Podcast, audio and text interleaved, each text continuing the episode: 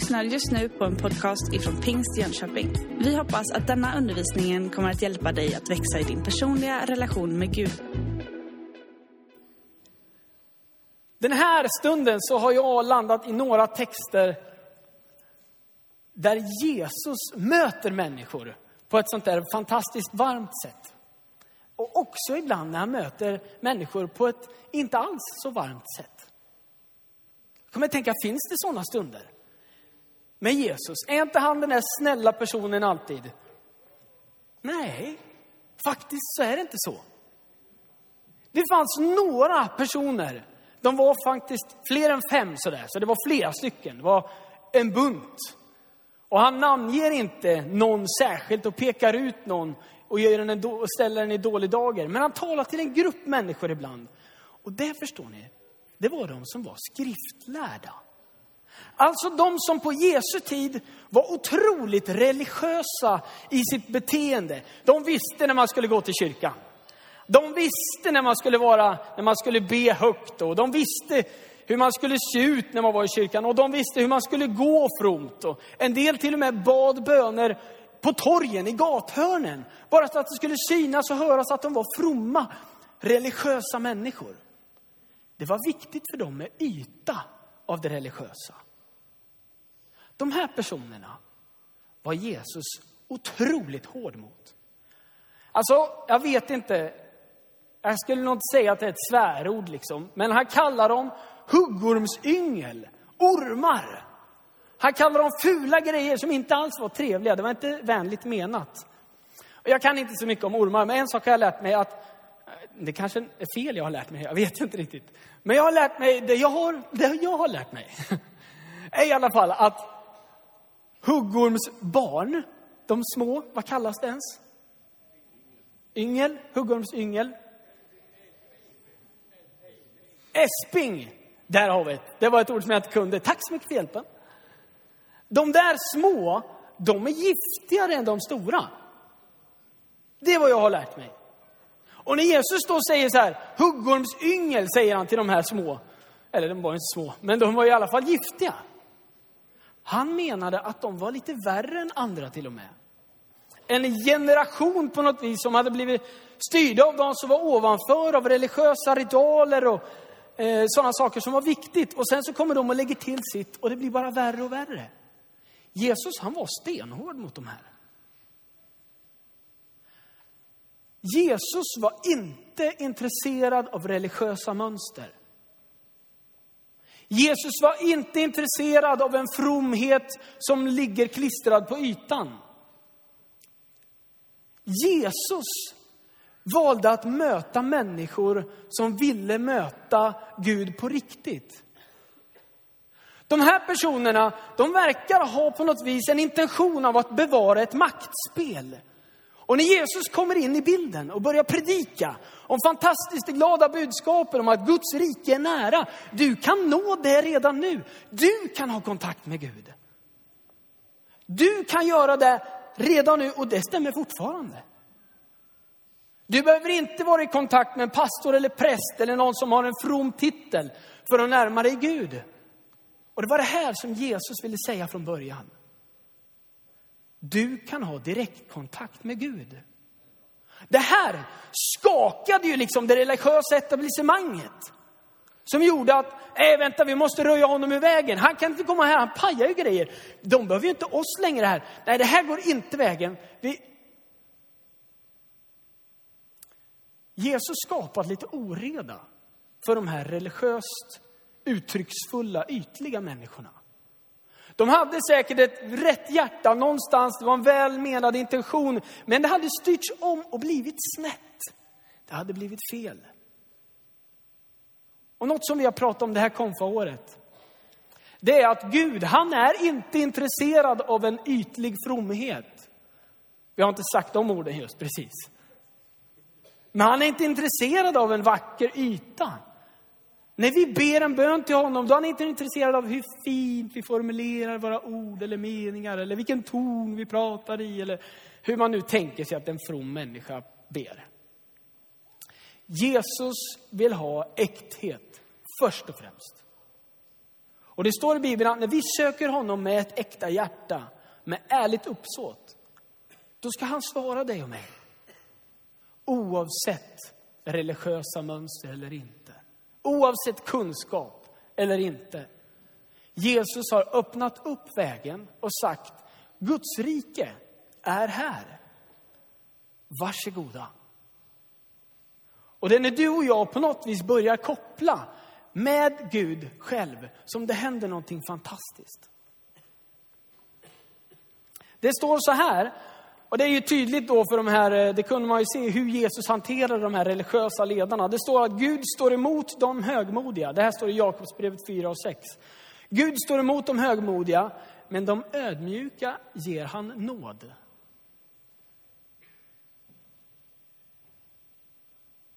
Gud står emot de högmodiga, men de ödmjuka ger han nåd. Det fanns många människor som Jesus mötte. Det fanns en man som var nästan stum och döv. Han verkar inte kunna se bra heller. När Jesus möter honom så gör han det med otrolig respekt. Jesus han gör ingen show av det inför alla. Kolla här! Nej, det står att när Jesus möter den här mannen så tar han honom avsides. De går lite för sig själva, lite längre bort. Och så gör Jesus någonting märkligt just där och då. Han ber en bön och han använder sig av, liksom, han stoppar sina fingrar i mannens öron. Och mer därtill. Och så ber han. Och han säger ett ord, han säger Efata. Efata. Det betyder öppna dig, eller upplåt dig. Och det här kan man ju tänka var ett ord som bara handlade om hans öron, eller hur? Eller bara handlade om hans tunga. Att det skulle släppas loss. För sanningen var det att när Jesus sa det här ordet, vi vet ju vad det betyder. Det är inget magiskt i ordet. Jesus har inga sådana mönster. Han gör aldrig det här någon annan gång. Så vi kan aldrig säga bara, du prova ordet effata, det verkar funka vet du. Prova det. Nej.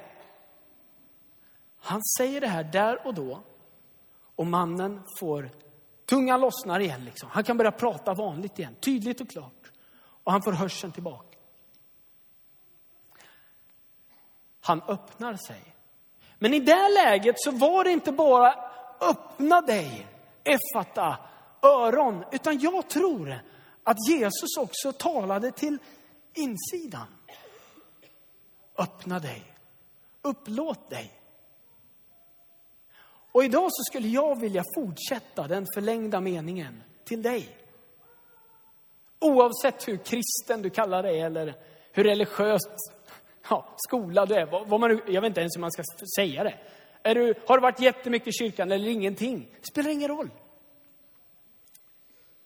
Jesus mötte inte den här mannen för att han hade samlat kristna poäng. Det finns inget sånt med Jesus. Han säger öppna dig och mannen bestämmer sig för att ta emot. Där händer någonting. Och jag önskar att du skulle få göra en sån upplevelse idag. För oavsett vad du har bakom dig, oavsett vad som ligger i, om det är skam som ligger bakåt i tiden, om det är skämskudde som gör att du inte vill komma närheten av Gud. Det känns lite jobbigt faktiskt. Oavsett. Jag önskar verkligen att du skulle våga säga ja, Jesus, jag vill ta ett steg närmare dig. För det sköna med Jesus det är att han aldrig kommer och hytter med näven. Han säger inte det där gjorde du dåligt, det där gjorde du illa. Ibland så måste jag erkänna att när jag kommer närmare Jesus så känner jag, det är som att jag blir påmind om dåliga grejer jag har gjort. Men jag har lärt mig en sak. Jag har lärt mig att Jesus inte kommer till mig för att säga skäms. Det där var dåligt gjort. Utan att Jesus, han kommer med en helt annan attityd. Han kommer till mig och så säger han, han sätter på något vis sin strålkastare på och jag ser det där i mitt eget liv som känns jobbigt.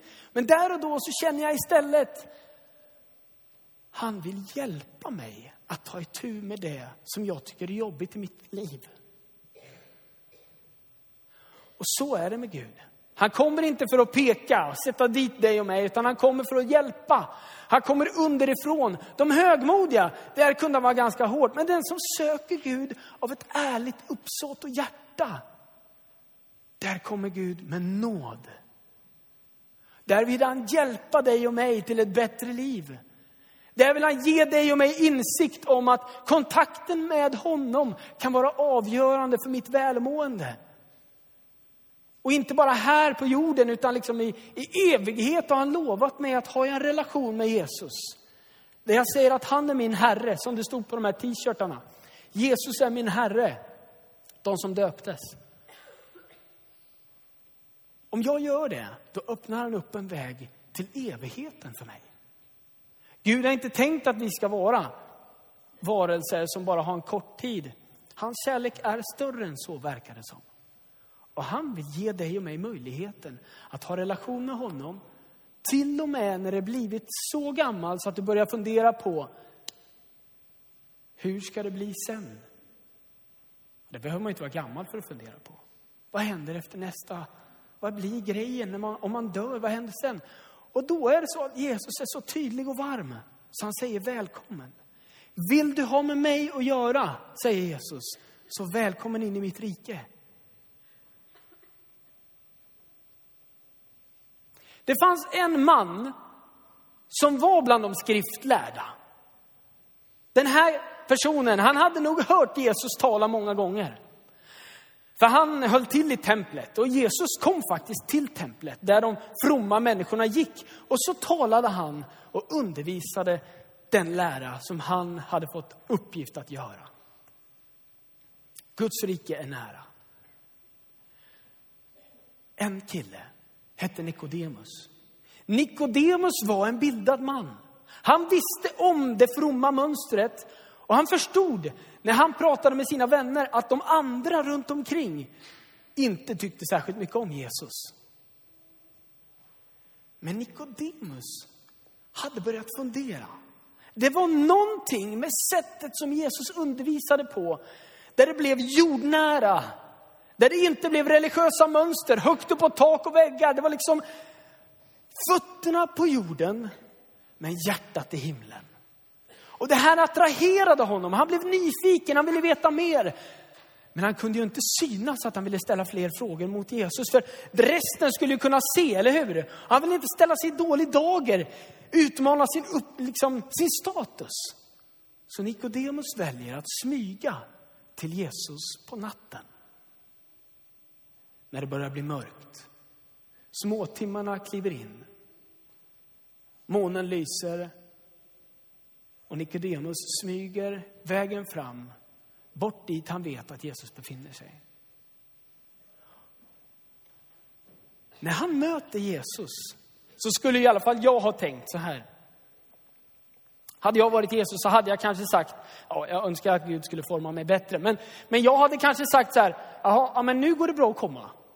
Alltså vi möts ju rätt ofta i veckan. Du hade kunnat ställa dina frågor när som helst. Men nu smyger du hit. Vill du inte synas tillsammans med mig? Skäms du över mig? Och alla de där grejerna som man kan tänka. För han smyger verkligen dit på natten. Det hör inte till vanligheten verkar det som. För det står tydligt i texten att så var det. När nu Jesus möter Nikodemus så är det inte den attityden han har. Han välkomnar Nikodemus. Han säger, vad är det du vill säga? Välkommen. De slår sig ner där på kvällen, på natten och pratar. Och Nikodemus, han ställer alla de där frågorna som är krångliga för honom. Han ställer de där frågorna som man behöver få veta. Om jag ska gå all in på det här, kanske han tänker, då behöver jag få svar på ett och annat. Så han ställer sina frågor med ärligt uppsåt, uppriktigt hjärta. Och Jesus lyssnar. Och Jesus bestämmer sig för att svara honom. Han frågar saker som, ja men vadå det här med dopet, jag fattar inte. Vad då blir människa på nytt, född på nytt, hade Jesus pratat om. När man blir döpt så på något vis begraver man det som ligger bakom sig. Det gamla livet, det dåliga i livet. Det är på något vis som att det här vattnet på något vis blir en symbol för det Gud gör inombords. När vi går ner i vattnet och så kommer vi upp, när vi lämnar någonting där i bassängen. När vi kommer upp så är vi som tvättade. Och inte bara på insidan, utan, eller inte bara på utsidan, utan på insidan framför allt. Det är ingenting som man kan göra bara när man tycker att jag har dåligt samvete för något, då döper man sig. Nej, en gång är good enough. Det räcker gott och väl, säger Bibeln. Sen kan jag be om förlåtelse, för jag har visat Jesus att jag vill ha relation med honom. Det här förbryllade Nikodemus. Han fick inte ihop det. Vad då bli döpt? Alltså, vad då blir född på nytt? När man uppstår, vad händer då liksom när man kommer upp? Jag, jag fattar inte grejen. Jesus förklarar. Ha lugn och ro. Och försöker berätta så att Nikodemus förstår utifrån den kultur och den uppväxt han hade. Han möter Nikodemus personligt. För att Nikodemus var ärlig när han kom till Jesus. Man kan också läsa de här fantastiska verserna som vi brukar kalla lilla bibeln. Vi ska få upp en, eh, en, eh, en bibeltext på skärmen där det står så här. Den här bibeltexten är superkänd. Men den hade aldrig kommit ner och blivit skriven i Bibeln om inte Nikodemus hade bestämt sig för att smyga till Jesus. Det här är inte en stor predikan som Jesus håller för alla, alla, alla. Nej, det här är ord som Jesus säger till en person. Läs detta nu med mig. Så älskade Gud världen att han gav den sin enda son. För att de som tror på honom, alltså Jesus, han pratade om sig själv i det här läget. De som tror på honom inte ska gå under, utan ha evigt liv. Ty Gud sände inte sin son till världen för att döma världen. Det är han tydlig och klar, eller hur? Utan för att världen skulle räddas genom honom. Den här bilden ger Jesus av sig själv till Nikodemus för att Nikodemus ska förstå att det handlar inte om religiös ytlighet, det handlar inte om ritualer. Det är inte det grejen är med, med Jesus. Det handlar om att Jesus är en gudomlig varelse. Han är Gud själv gåendes på jorden. Och när han dör på korset senare i berättelsen i Nya Testamentet så dör han inte bara för att vi skulle få en symbol att sätta upp i kyrkan, en dödssymbol. Nej, det här är ett minne. Korset är tomt här. Det är liksom på något vis visat att okej, okay, Jesus dog på korset, men han hänger inte kvar. Han är uppstånden igen. Han lever igen. Han uppstod på tredje dagen. Det är det hela påsken handlar om. Och där får du och jag på något vis landa i. Jesus vill ha relation med dig och mig till och med idag. Tänk att Nikodemus vågade ställa de här frågorna. Och det gjorde att Jesus fick säga de bevingade orden som vi läser i den här versen. Jag vill uppmuntra dig. Våga ställa dina frågor till Jesus. Om det så är mitt i natten, om det skulle vara så att du har möjlighet att vara i en kyrka.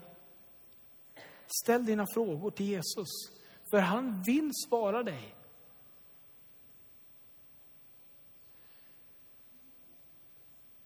För oss så är det superviktigt att ha Jesus i centrum. Det är därför våra sånger handlar om det.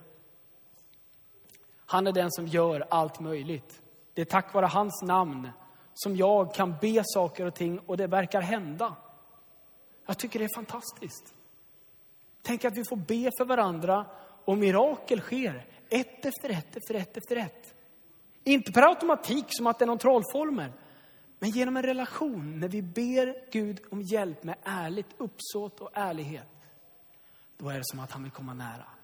Jag hoppas att detta just har landat med ärligheten, för jag har ju sagt det ett antal gånger nu.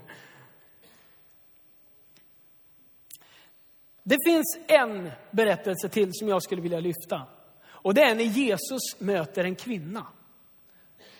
En kvinna som verkar vara utstött.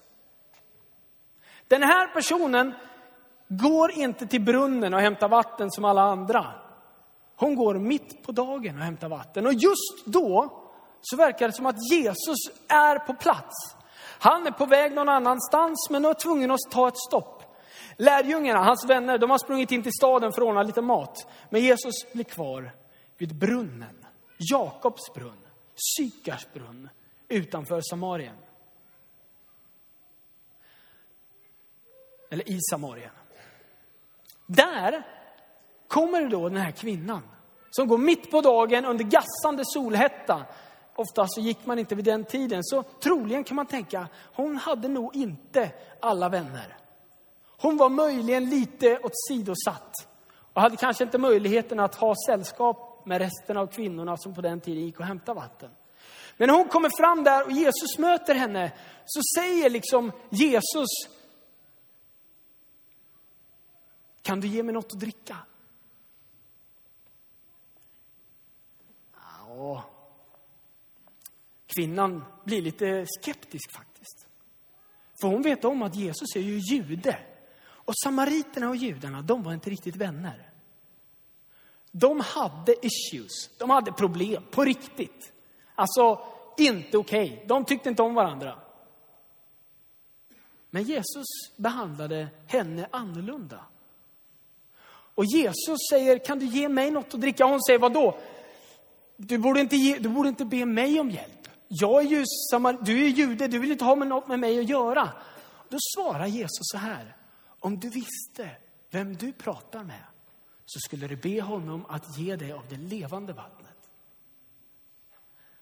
Vadå, säger kvinnan, Vadå levande vatten? Alltså det här, jag, det här är inte, nej, nej, nej, nej, nej. Du, du har ju inte ens en kopp att skopa upp vatten med. Du har ju ingenting. Hur ska du kunna ge mig vatten? Det här går inte. Hon får inte ihop det. Men Jesus förklarar och berättar för henne att han är större än vad hon tror. Genom ett långt samtal och man märkte att den här kvinnan var ju ändå påläst. Hon ville ha med Gud att göra. Hon var en sökare. Och Jesus mötte sökaren. Och Jesus förklarar för henne, det finns några sådana här sköna bibelversar. Jag tänker att vi ska läsa dem. Det står så här i Johannes 4 och 14. Men den som dricker av det vatten jag ger honom, det här är Jesus som säger, ska aldrig någonsin törsta. Det vatten jag ger skall i honom bli en källa som flödar fram och ger evigt liv.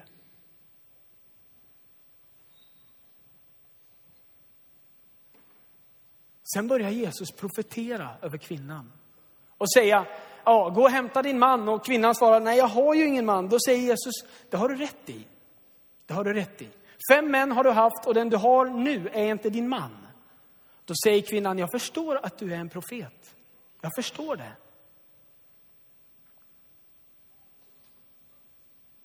Kvinnan springer in och berättar för resten av gänget inne i staden vad Jesus har sagt. Hon säger, han har sagt mig allt jag har gjort. Han vet, han är en profet, han är Messias. Han är den där som vi har väntat på. Och folket kommer ut, får möta Jesus och Jesus berättar även för dem vem han är. De förstår. Och till slut så kan man läsa i texten att gänget som kommer in från staden frågar, eller de säger, nu tror vi inte bara för att vi hörde dina ord, kvinnan, utan vi har själva fått mött honom. Man kan väl säga så här, att Jesus är otroligt noggrann med att möta människor. Och idag får du och jag chansen att göra det. Han möter den som är påläst. Han möter den som har frågor. Han möter den som är skeptisk. Han möter honom som hade liksom skrek efter hjälp och Jesus satte fingrarna i örat och sa Effata. Han möter varenda olika människa. Det finns ingen som liksom går vid sidan av Jesus. Utan han möter var och en. Varenda en som med ärligt hjärta söker honom. Och jag tror att den här stunden nu som ligger framför, vi ska alldeles strax få be för alla konfirmander. Och du som vill vara med och be en bön om Guds välsignelse över de här, får vara med. Jag ska alldeles strax berätta hur vi ska göra och allt det där. Men kom ihåg det här. Jesus älskar dig så mycket. Han mötte olika sorters människor. Och han är så mån om att möta dig just nu, här idag. Han vill ge dig sin stora kärlek. Och det jag har fått lära mig, det är att Jesus är starkare än allting annat. Så när jag kommer nära honom och ber honom om hjälp, kanske att ta tag i saker och ting som ligger bakom, jobbigheter som du känner när du kommer i närheten av Gud. Ja, kom ihåg nu, Gud dömer inte. Han kommer för att rädda dig och mig. Han kommer för att hjälpa dig och mig. Du har just lyssnat på en podcast ifrån Pingst Jönköping. För att få reda på mer om vilka vi är och vad som händer i vår kyrka så kan du gå in på pingstjonkoping.se eller följa oss på sociala medier via pingstjkpg.